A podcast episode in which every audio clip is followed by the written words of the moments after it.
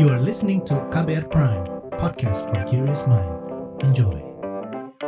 Podcast ini bisa didengarkan di kbrprime.id, Spotify, dan platform podcast lainnya. Gimana kabarnya? Ya ho Bu Fefu habis samboto. Piye kabare? Api kabar. Kumaha? Damang. Agak gareba.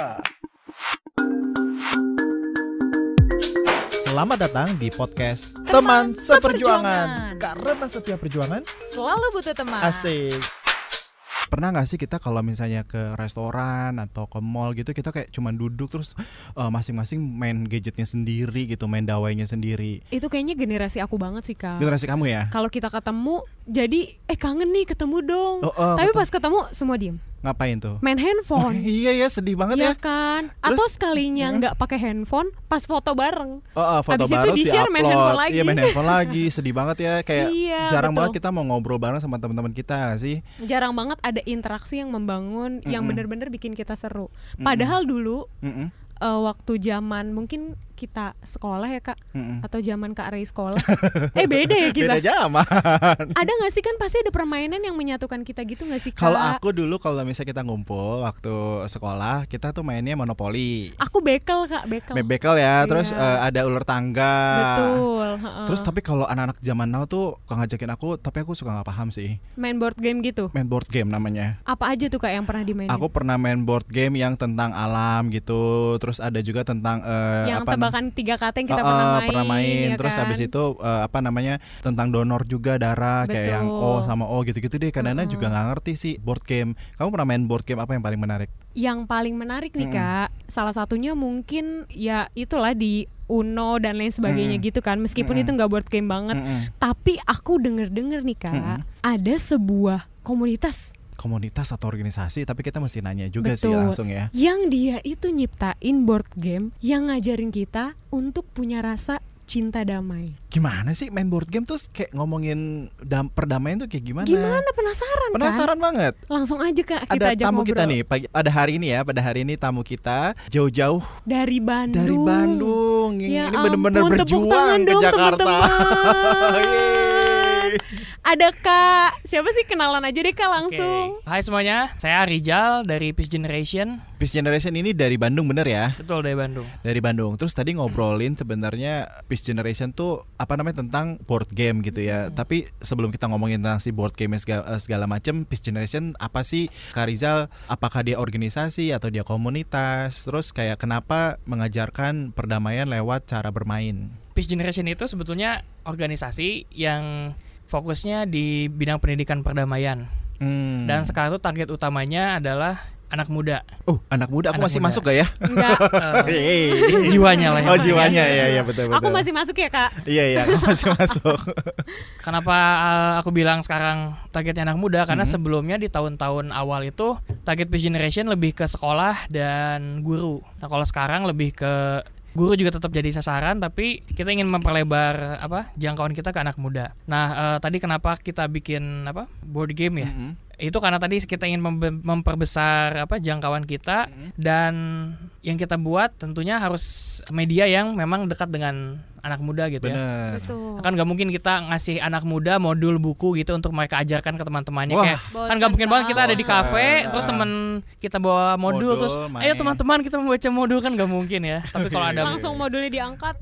Ya, tapi kalau kalau kita bawa apa board game kita kan bisa kayak kayak bermain kemudian Kenapa board game gitu A- atau ada ada nggak sih juga eh, apa namanya program lain selain Media lain media ya. lain gitu ya Mm-mm. tentang mengajarkan tadi pendidikan perdamaian. Oke, selain board game, ya kita juga pakai modul, modul pakai pakai modul, cuman modul kita memang di set untuk sangat interaktif. Jadi kalau kita menggunakan modul itu dalam aktivitas kelas, itu pasti kelasnya dibikin jadi rame, jadi banyak aktivitas geraknya, eh, berbagai nilai-nilai dalam modul itu di, diajarkan lewat ice breaking. Jadi memang modulnya juga interaktif. Kemudian juga kita mengembangkan banyak board game juga, cuman kita mencoba mengintegrasikannya dengan web apps. Jadi kan eh, kita pengen nyoba nih gimana caranya kita bisa ngelacak perubahan pemain-pemain board game ini setelah kita latih dan kita brief dengan konten-konten perdamaian dan bermain board game. Nah, kita pengen tahu kan tuh eh, apa perkembangannya gimana. Nah, ketika kita ngintegrasiin si proses bermain board game ini dengan aplikasi, kita bisa tahu nih apa bagaimana perubahan pilihan-pilihan mereka ketika bermain dari awal mengikuti pelatihan sampai uh, selesai pelatihan gitu. Hmm. Jadi uh, mengintegrasikan jadi kayak ada uh, apa beberapa komponen board game yang Hmm. asalnya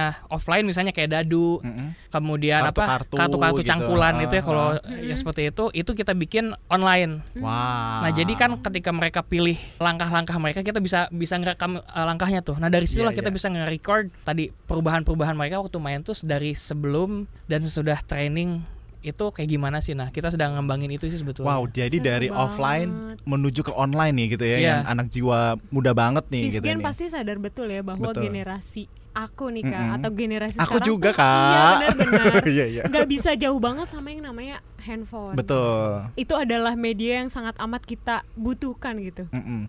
Tapi jadi penasaran deh, kenapa pendidikan perdamaian gitu? Kenapa Peace Generation eh, itu didirikan sih, Kak Rizal sebenarnya apa sih kegelisahannya gitu awalnya atau kayak ada latar belakang gitu didirikannya? cerita apa? Ada cerita apa sih gitu?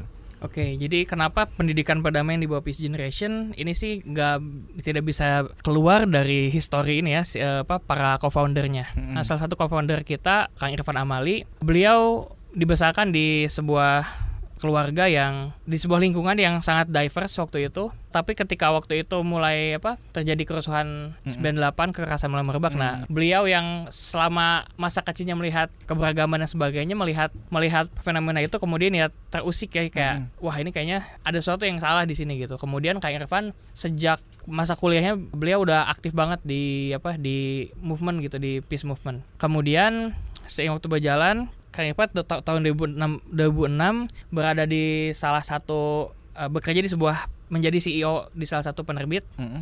Nah di situ beliau ketemu guru bahasa Inggrisnya, namanya Pak Eric Lincoln. Nah ketika mereka bertemu itu, karena waktu itu memang lagi ada konf- ada agresi militer Amerika ke Timur Tengah juga ya. Mm-mm. Nah Kang Irfan sebagai apa? Waktu itu sebagai aktivis perdamaian kan melihat orang Amerika sedikit ada sedikit sedikit gitu ya. oh, kayak gitu. Kemudian ka- ketika di dalam berita kelas yang tersebar gitu ya. Betul. Ketika dalam kelas eh, kelas bahasa Inggris dari perusahaan gitulah kayak gitu. Nah, Kang Irfan secara frontal gitu bilang ke Pak Eric Lincoln Mm-mm. Ke gurunya, "Saya benci negara kamu gitu, Amerika." Waduh. Karena tadi karena ya melakukan inilah agresi militer ya. Menabuh genderang Yoi. peperangan. Iya. Kemudian Pak Eric sendiri sebagai orang Amerika men- apa, menemukan orang kayak gitu di kelasnya dan waktu itu Kang Irfan kan jenggotan gitu ya. Hmm. Dia dibilang dalam hatinya kayak, "Buset, di kelas gua ada seorang Taliban," kata Wah. Pak kata Pak Eric kayak gitu. Jadi sama-sama saling berprasangka ya ya. kayak gitu saling berprasangka nah tapi seiring waktu berjalan mereka apa banyak ngobrol kemudian saling saling mengetahui nih. Ternyata Pak Erik juga di Amerika itu seorang penyuluh anti narkoba gitu di penyebut anak muda. Dan Kang Irfan juga ya Pak Erik baru tahu bahwa dia adalah seorang ya aktivis perdamaian juga di Bandung gitu kan. Nah dari situ mereka berkolaborasi lah ngobrol dan bikin movement yang namanya Peace Generation. Jadi dulu tuh 2007 itu Peace Generation bergerak sebagai movement yang ya artinya memang digerakin secara apa ya swadaya banget gitu apa benar-benar apa volunteerism banget dan waktu itu dimulai training pertama itu di Aceh waktu itu Juli tanggal 15 2007 2007. 2007. Jadi per- program pertama dari Peace Generation itu di bulan Juli 2007 betul dan di Aceh. betul nah bentuknya itu ma- apa, Bentuknya kayak gimana tuh Kak Rizal? Pertama kali itu programnya. Training yang sudah dengan modul 12 nilai perdamaian. Nah, jadi sebelumnya dari kan mereka ketemu tuh 2006 tuh ya. Mm-mm. Nah, mereka juga udah mulai apa? Kang Irfan dan Pak Eri udah mulai apa? berkegiatan juga, tapi memang belum pakai modul. Seiring proses berjalan itu, mereka ya berpikir kayak kalau kita nggak pakai modul, kayaknya tuh tiap training sekali training beres udah selesai. Mm-mm. Nggak ada yang tertinggal Uh, gitu ya kak. kemudian apa yang diajarkan pun sulit untuk mengamplifikasinya karena nggak ada dokumen tercatat yang bisa dikembangin gitu kan. Mm-mm. Nah, ketika modulnya udah ada, nah itu bikin apa? Mereka harap bisa bikin orang yang sudah di training bisa mengembangkan apa yang udah dipelajarinya ke lingkungannya gitu. Jadi itu di 27 itu polanya adalah ya dengan training yang sudah ada modulnya gitu. Ya ada modulnya. Iya. Nah, eh, jadi nih Peace Generation itu dari keresahan foundernya gitu ya, terus kemudian saling berprasangka, akhirnya berkolaborasi untuk eh, membuat sebuah gerakan perdamaian gitu ya, Kak Rizal ya. Terus ngomongin modul dan training, emang modul apa sih sebenarnya yang pertama kali dikembangkan oleh Peace Generation? Sama penasaran juga sih kak. Mm-mm. Mungkin teman seperjuangan nih 12-nya tuh apa aja? 12 nilai gitu. perdamaian itu apa Pasti gitu ya? teman seperjuangan pada Oke, oke. penasaran Mm-mm. kan. Jadi 12 nilai perdamaian itu itu mod- modul 12 nilai perdamaian itu adalah modul yang jadi formula rahasianya Peace Generation lah. Jadi formula intinya Peace Generation itu itu. Jadi 12 nilai perdamaian itu isinya adalah nilai-nilai inti dari gimana sih kita supaya apa untuk mempelaj untuk lebih mudah mempelajari perdamaian yang sangat abstrak dengan ya dengan metode yang lebih enak. Jadi kayak si 12 nilai perdamaian itu kayak nge-breakdown narasi besar perdamaian. Misalnya kayak jadi di 12 nilai perdamaian itu kita ngebahas tentang bagaimana berdamai dengan diri sendiri, Mm-mm. gimana kita deal with society gitu ya. Kemudian juga konfliknya, kemudian bagaimana kita memaafkan dan meminta maaf. Dari 12 itu yang pertama ada menerima diri, kemudian nilai keduanya itu apa? membongkar prasangka, nilai ketiga, keempat, kelima, keenam, ketujuh, kedelapan itu ngomongin tentang gimana kita berinteraksi dengan perbedaan etnis, perbedaan agama, perbedaan status sosial, kemudian juga dengan apa perbedaan kelompok kayak geng dan sebagainya. Kemudian dinilai 9 dan 10 itu ngomongin tentang menolak kekerasan dan mengutamakan diplomasi lah. Menolak kekerasan dan memahami konflik. Mm-mm. Kemudian di, di nilai 11 dan 12 itu ngomongin tentang meminta maaf dan memberi maaf. Waduh, susah Menarik banget itu.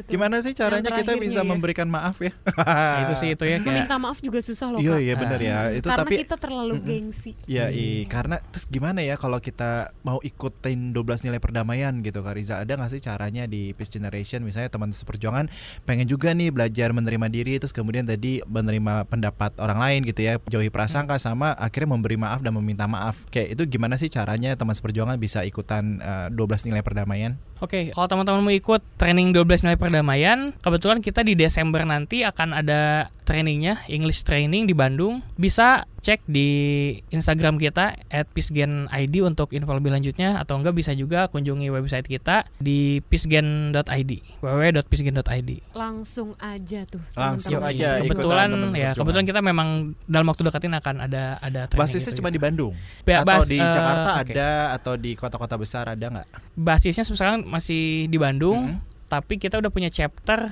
di Solo, di Makassar yang udah Oh. apa sudah berkantor gitu ya. Itu Wow, sih. teman-teman seperjuangan yang di Solo dan Makassar Betul. ada Peace Generation juga di sana ya. Iya. Nah, eh, kalau Kak, eh, Kak Rizal sendiri di Peace Generation ngapain nih tugasnya sehari-hari nih? Oke, eh, saya di Peace Generation sebagai Head of Creative and Comms. Jadi divisi Creative and Comms ini ada divisi yang ngerjain apa product development buat media-media Peace Generation kayak tadi apa board game, kemudian apa desain-desain modul dan sebagainya. Juga ngerjain untuk campaign-campaign hariannya lah gitu. Enggak harian sih sebetulnya kayak eh, campaign-campaign rutinnya gitu ya. Hmm. Jadi PCN kan aktif di Instagram terutama gitu untuk untuk eh, apa? Ya kita coba eh, selalu pengen bisa ngerespon isu-isu tentang perdamaian atau konflik yang memang lagi hype saat ini gitu. Oh jadi Kak Ijal nih orang di balik layar Oh, dari iya. kerennya Instagram Peace Gen Kak. Kan Oh, anak-anak muda ya pakai Instagram ya. Betul. Kalau aku Iya. pakai Facebook. iya. Kita maklumi ya Kak ya. Iya. Kita maklumi kawan kita. Tapi Facebook kita ada kok. Oh, ada kan tuh. Jadi di mirror aja Nah, sih, di jangan teman Karena kita yang tahu ada orang-orang tua di sana yang Ya, menantikan konten-konten kita. Jadi ya di mirror aja gitu kan. teman-teman seperjuangan yang masih pakai Facebook juga masih ada di follow juga di iya. Facebooknya juga ada, Iya, ya, ada. Karena Generation. Iya. sebenarnya semua tuh berawal dari Facebook Kak. Yo, Iya. dari 12 nilai modul terus kemudian akhirnya akan menuju ke online ya gitu. Ada nggak sih kak cerita yang seru banget waktu orang habis ikutin programnya Peace Generation gitu? Apa sih yang menarik tiba-tiba kayak berkesan. berkesan gitu kak? Pernah nggak? banyak sebetulnya. Misalnya ada ada salah satu eh, murid dia eh, santri dia santri di, di Solo waktu kita bikin program apa board game for peace. Jadi santri ini tuh dulu kata salah satu gurunya yang memang juga agent of peace kita gitu. Si murid ini adalah murid, murid yang sinis banget sama sama si agent of peace kita sama gurunya ini karena gurunya kadang suka bawa modul kita yang bergambar, kemudian bawa kartu-kartu gitu kan kayak. Nah buat dia kan kayak wah ini apaan sih kartu kayak kayak mau judi kayak apa ini bukan bukan oh gitulah ya. Intinya kayak asalnya tuh antipati banget sih anak-anak ini. Kemudian ketika dia ikut training board game for peace, eh, dia berubah pikiran, kemudian juga ya sekarang aktif jadi eh, apa penyebar perdamaian juga jadi agent office kita juga gitu. Waduh, jadi abis ikut program langsung cara berpikirnya juga berubah ya. Terus Iya. bahkan nggak hanya berubah tapi juga mau turut membantu berkontribusi untuk perdamaian. Betul. Ih keren banget ini. Kak, kalau penasaran misalkan- aku. Iya. Pengen ikut deh. Kamu Ih, pengen ikut gak? Mau, mau banget. Tapi kita Kak. masih ke Bandung loh. nggak apa-apa deh kak. Nggak apa-apa ya. Main Eh, kita main ya, ini ya berkunjung balik Iya, ya. berkunjung balik karena kita udah Eh, didatengin. eh, teman seperjuangan juga boleh main juga ke Bandung ya Peace Generation ya. Tapi doain aja nih. Jadi kita Peace Generation itu ke depannya bakal ngembangin trainingnya jadi online. Hmm. Jadi kita di website itu pengen jadi website kita pengen jadi platform buat orang juga bisa jadi training-training offline bisa teman-teman akses juga di online. Oh, Ke depannya. menarik, menarik, menarik. Seru nih kak kalau dari penjelasannya kak Mm-mm. Ijal ya. Eh, tapi aku juga jadi penasaran. Mm-mm. Sebenarnya apa sih pesan gitu yang mau disampaikan dari board game yang udah dimainin itu ya? Kan yang di luar dari 12 nilai perdamaian Kan itu. ada 12 nilai perdamaian, terus ada media melalui board game gitu ya. Terus board game apa sih Kak Rizal? Contoh permainannya gitu. Iya, Oh, permainan nama board gamenya terus apa terus kayak Oke oke. pesannya apa gitu dari board game itu? Jadi sebetulnya board game ini juga membawa 12 nilai perdamaian tadi sebetulnya. Hmm. Jadi karena 12 nilai perdamaian tadi itu udah kayak core nilainya kita lah gitu. Iya, iya. Nah tapi di board game kita kita udah bikin ada sekitar 4 board game. Wow, empat Wow. board game itu 4 board game. banyak ya. Susah iya. kan bikinnya. Iya. Nah, eh, salah satu board gamenya misalnya kita ngomong yang ada nama board gamenya Galaxy Obscurio. Aduh, susah banget namanya tuh. Galaxy Obscurio Galaxy atau enggak yang gampang apa Derampung ya? Ada game Derampung Oh, juga. Hmm. Nah, si game Derampung kita jelasin Derampung dulu ya. Uh-uh. Derampung itu dia gamenya ngejelasin tentang si peserta itu apa pemain itu nanti mereka jadi berperan sebagai apa orang-orang desa, kemudian kayak bisnis apa eh, berlomba untuk mengembangkan bisnis mereka. Tapi di tengah-tengah mengembangkan bisnis mereka ada ada kelompok organisasi preman gitu yang menyusup yang dia nggak kayak preman tapi Uh-uh. dia organisasi ya apa menyusupi kekerasan gitulah. Mm-mm. Nah mereka harus pesan itu dia mereka harus berlomba untuk ngebangun aset, ngebangun bisnisnya tanpa terpengaruh eh, iming-iming si kelompok preman. kelompok bogem kegelapan namanya. Hmm. Wih. Nah si game ini tuh sebenarnya mau ngaj- apa kalau teman-teman main nanti akan banyak banget sih yang bisa digali ya. Tapi yang kita intinya di sini adalah bagaimana nanti kita itu eh, bisa nger- apa bisa memahami misalnya tentang identitas. Jadi sih bahwa identitas itu bisa mempengaruhi kita bertindak. Kemudian kalau kita terlalu kekeh atau terlalu apa ya? Kita terlalu kekeh atau terlalu fanatik dengan identitas kita, kita bisa jadi juga nggak misalnya kayak gini.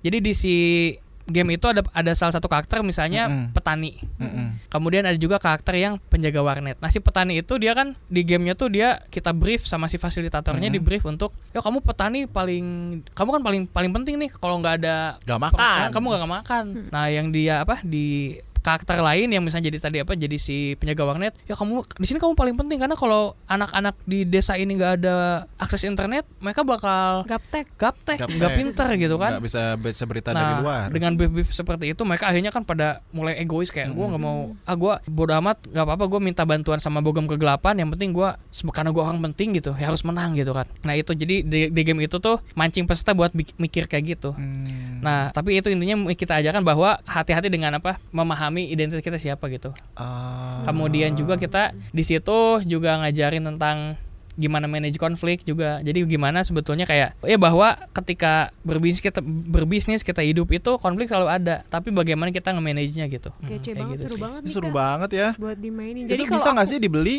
Iya, bisa betul. banget, Oh, bisa, bisa. banget, bisa banget. Sekarang kita udah mulai apa? akan menjualnya, Heeh. bisa diakses juga di webnya, di website Bisgen, ada di tokonya ada, bisa. Semua ada di situ ya. Semua Iya, ada di website situ. langsung deh Website. dikunjungin. Jadi pengen ya kan sup- supaya kan eh, tadi ya generasi muda kita tuh nggak hanya duduk eh, main handphone, main gadget gitu ya seharian tapi juga melakukan tadi ya nongkrong-nongkrong berfaedah gitu kali ya. Iya dengan ada game-game itu ya kayak Iya. jadi nongkrong-nongkrongnya nggak sia-sia. Gak sia-sia. Jadi jangan lupa Kunjungin. kunjungi websitenya. Peace Generation dan juga Instagramnya Peace Generation dikepoin. Dikepoin buat teman-teman yang penasaran board gamenya ataupun modul dari 12 nilai perdamaian juga Mau nanti ikut akan ada online gitu ya, Ada. Rizal ya. Nah, ke depannya kan. Mm-mm. Karena Kak Ijal udah jauh-jauh dari Ya, Bandung. dari Bandung. Kita kasih titipan yuk Kak. Yes. Iya. Kita kasih pantun nih. Cakep. Belum. Kok aku selalu keduluan sih? Kamu nggak kasih kode-kode gitu sama aku. Kalau garing memang itu adalah ciri khas kami ya Kak. Ya nggak apa-apa. Saya sih terutama. Oke, ada pantun untuk Kak Rizal dari Peace Generation. Langsung ya. Gunung Sumbing, Gunung Ciremai. Ye, cakep. Toko kelontong, toko agen. Yeay, jualan gas. Kalau kamu bingung gimana caranya menyebarkan nilai damai, langsung aja kepoin Peace Gen. Yeay. Podcast ini merupakan hasil kolaborasi antara Sabang Merauke dengan KBR Prime. Dan untuk kamu yang punya cerita unik soal toleransi, kirim aja yuk ke email kami di podcast at kbrprime.id. Nah, teman-teman juga jangan lupa nih follow Instagramnya Sabang Merauke di @sabangmerauke dan Instagramnya KBR Prime di @kbr.prime.